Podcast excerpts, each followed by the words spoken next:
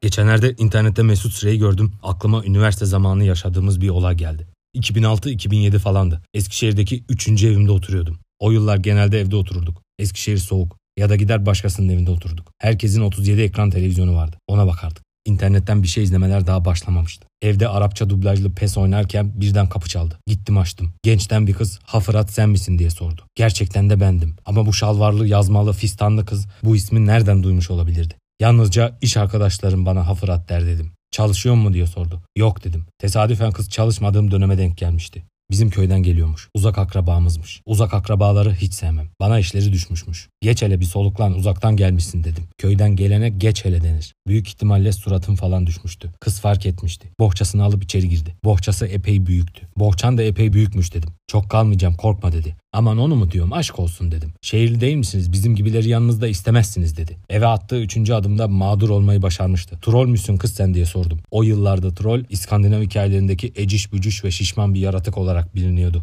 Yani şimdiki anlamında ilk ben kullanmıştım. Kız içeri geçip oturunca kimlerden olduğunu anlattı. Hiçbir fikrim yoktu ama evlilik yoluyla bulaşan bir akrabalık bağı olduğu aşikardı. Neyse sen onu bırak da derdini anlat dedim. Bu girişler çok uzayınca dinleyenler sıkılabiliyor. Hayırdır beni bir an önce başından atmaya mı çalışıyorsun gibi bir yerlere çekmeye çalıştı konuyu. Ama izin vermedim. Baktı olmayacak anlatmaya başladı. Nenesinin başına çok büyük bir musibet gelmiş. Hayırdır inşallah dedim. Bizim köyün yukarısında eski bir tapınak var hatırlıyor mu dedi. Evet dedim. Köyün az üzerinde bir Zeus tapınağı vardı. Köyde olduğuna bakmayın. İyi tapınaktı. Nenesi birkaç aydır o tapınağa gitmeye başlamış. Bir zaman sonra da Zeus'a tapmaya başlamış. Namazı abdesti boşlamış. E ne var bunda dedim. Kadın istediğini tapar yani size ne? Yok dedi. İş daha değişikmiş. Nenesinin dediğine göre kızlığında yine bu tapınaktayken Zeus'la karşılaşmışmış. Yıldırım aşkıyla seks yapmaya başlamışlar. Hemen mitoloji bilgimi yokladım. Zeus gerçekten de böyle bir insandı. Zavallı kızları kandırır, onlarla birlikte olurdu. Hatta çocuk da yapardı. Sonra o zavallı çocuklar Almancı gibi ortada kalırdı. Ne onlardan ne bizden.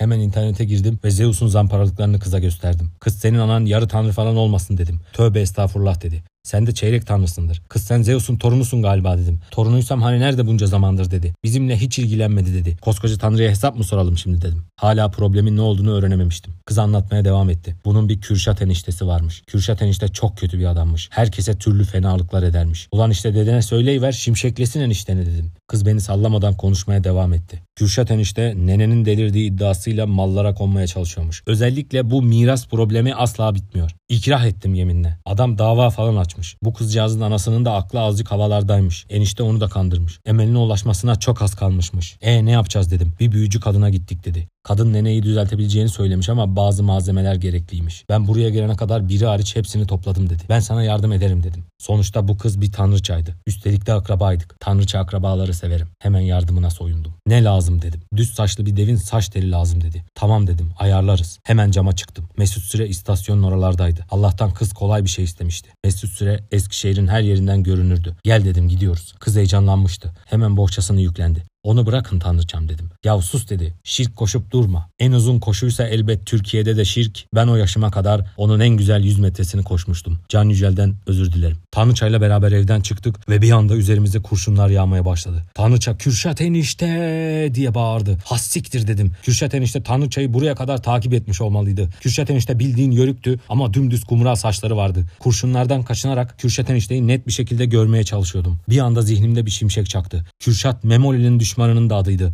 Resmen bir yılan hikayesinin içine düşmüştük. Evin önünde bir arabanın arkasından mahsur kalmıştık. Araba neredeyse delik deşik olmuştu. Tanrıça korkmuştu ama çok sinirliydi. Bıraksam Kürşat'ın üstüne gazabını salardı. Dene bakayım belki bunların üstüne veba falan salarsın kurtuluruz dedim. Mitolojilerde tanrıçalar böyle şeyler yapabilirler. Birden bir gürültü duyduk. Mavi bir cip kurşunları yardı ve önümüzde durdu. Eski bir cipti. Bir yerden tanıdık geliyordu. Derken cipin içindekini gördüm. Mehmet Ali Alabora'ydı bu. O zamanlar tabii daha gitmemişti. Gözlerime inanamıyordum. Saçları jöleliydi. Polis gözlüğü takmıştı. Şok içindeydim. Tanrıça da şok olmuştu. Biraz dikkatli bakınca Tanrıçanın şok değil de başka bir şey olduğunu anlamıştım. Biraz kıskanmıştım. Mehmet Ali Alabora bize doğru bağırıyordu. Gelin çabuk diyordu. Biz mal mal bakıyorduk. En sonunda Yörük Tanrıçanın elinden tuttu ve arabanın içine çekti. Lan diye bağırdım. Sus çabuk dedi ve beni de arabaya bindirdi. Hızla Kürşat enişteden uzaklaştık. Hayırdır sen Kürşat uzmanı mısın dedim. Ne böyle bütün Kürşatlara müdahale etmeler falan. Ebe Fırat, Ebe Fırat dedi. Herifte şeytan tüyü vardı. Bizi bir çatı katına götürdü. Terasta oturup durumu anlattık. Döndü ufka doğru baktı.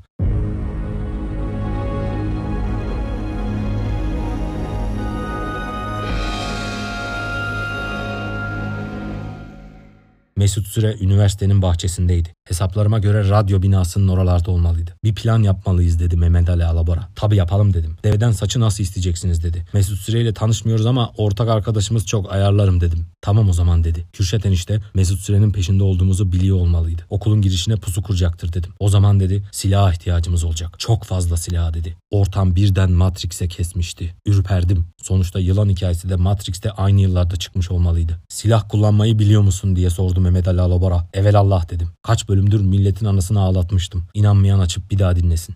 Garaja indik. Memoli arabanın arkasına kocaman bir taramalı tüfek yerleştirdi. Bu yeter mi dedim. Bir bu yok ki dedi ve duvardan sarkan kablolu kumandayla garajın kapısını açtı. Dışarısı mavi cipli memolilerle doluydu. Gözlerimize inanamıyorduk. CC5'ler ışıl ışıl parlıyordu. Vay anasını dedim. Arabanın arkasına geçtim. Acayip gaza gelmiştim. Konvoy halinde okula doğru sürmeye başladık. Dikkat çekmemek için ara sokaklardan gidiyorduk. Kürşat enişte ve adamları okulun girişini boydan boya tutmuşlardı. Doğru tahta taşıyan Yunus Emre heykeline kadar eli tüfekli köylülerle doluydu ortalık. Heykelin üzerinde sevelim sevilelim dünya kimseye kalmaz yazıyordu. Haklıydı heykel. İyice yaklaşmıştık. Silahımı kurdum. Memoli işaretimi bekleyin diye bağırdı. Etrafımdaki diğer tiplere baktım. Hepsi hazırdı. Hızla yaklaşıyorduk. Memoli'nin eli havadaydı. Onun işaretiyle herkes karşımızdaki grubun tam ortasına ateş edecekti. Biz de o fırsattan istifade barikatı yarıp geçecektik. Memoli ateş diye bağırdı. Hep birlikte Kürşat eniştelere kurşun yağdırmaya başladık. Ortada duranları delik deşik etmiştik. O kadar delik deşik ettik ki yok oldular. Ne arabalardan ne insanlardan en ufak bir parça kalmamıştı. Kurşun delikleri tüm vücutları kaplamıştı. Hızla barikatı yarıp geçtik.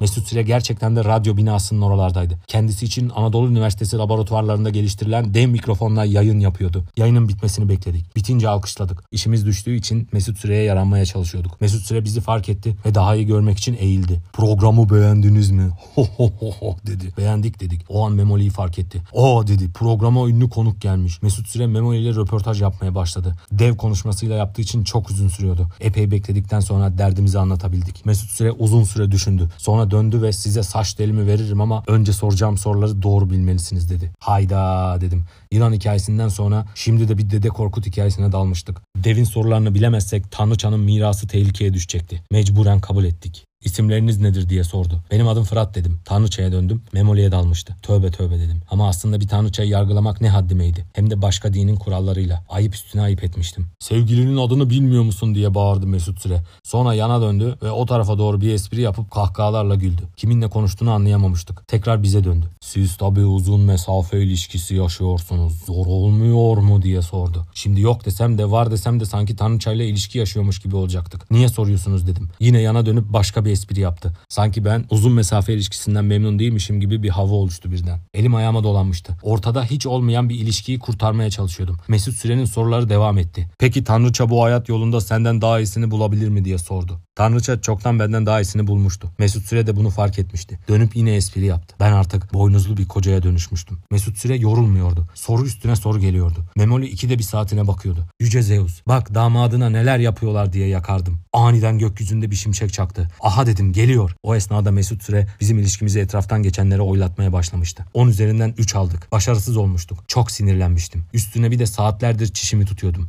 Donum çok yeniydi. Asla altıma işemek istemiyordum. Memoli'ye kaş göz yaptım. Birkaç işaretle planımı anlattım. Hemen anlamıştı. Etkilendim. Koşarak gitti ve çok uzun bir ip getirdi. İpi ağaçlardan birine bağladık ve arabaya bindik. Mesut Süren'in etrafında dönüp ipi bileğine dolayacaktık. O da adım atmaya çalışırken düşecekti. Bütün filmlerde aynısını yaptıklarına göre işe yarar diye düşündüm. Arabaya bindik. Mesut Süren'in etrafında dönmeye başladık. Ben de bu arada taramalı tüfekle ağzına yüzüne ateş ediyordum. Mermiler Mesut Süre'yi sinir ediyordu. Sivrisinek kadar bile değildi mermiler ama mide bulandırıyordu. Mesut Süre iyice uyuz olmuştu. Eliyle yüzünü kapatmaya çalışıyordu. Bu arada gök gürlemeye devam ediyordu. Etrafında birkaç tur attıktan sonra Mesut Süre'yi devirmeyi başarmıştık. Darısı nicelerine. Büyük bir gümbürtüyle yere yakılmıştı Mesut Süre. Tanrıçayı da alıp hemen saçlarına doğru sürmeye başladık. Tekrar ayaklanmadan bir telini koparmamız gerekiyordu. İşte tam o anda karanlık bulutlar ayrıldı ve Mesut Süre'nin suratına bir ışık hüzmesi düştü. Işık hüzmesinin içinden ne olduğunu anlayamadığımız bir cisim bize doğru yaklaşıyordu. Donup kalmıştım. Bir yandan da umutluydum. Adeta mucizevi bir olay yaşıyorduk. Bize doğru gelen bir savaş arabasıydı. Pegasuslar tarafından çekiliyordu. Koskoca Zeus'un ucuz bilet peşinde koştuğuna inanamıyordum. Savaş arabası altın rengindeydi. Işıl ışıl parlıyordu. Uhrevi bir biçimde yere indi. Gözlerimiz parıltıdan kör olmuştu adeta. Bu sıcak ışık sayesinde mayışmaya başlamıştık bile. Sonunda Yüce Zeus merhametini göstermeye karar vermişti. Torununu ve torununun uzaktan akrabasını kurtarmaya gelmişti.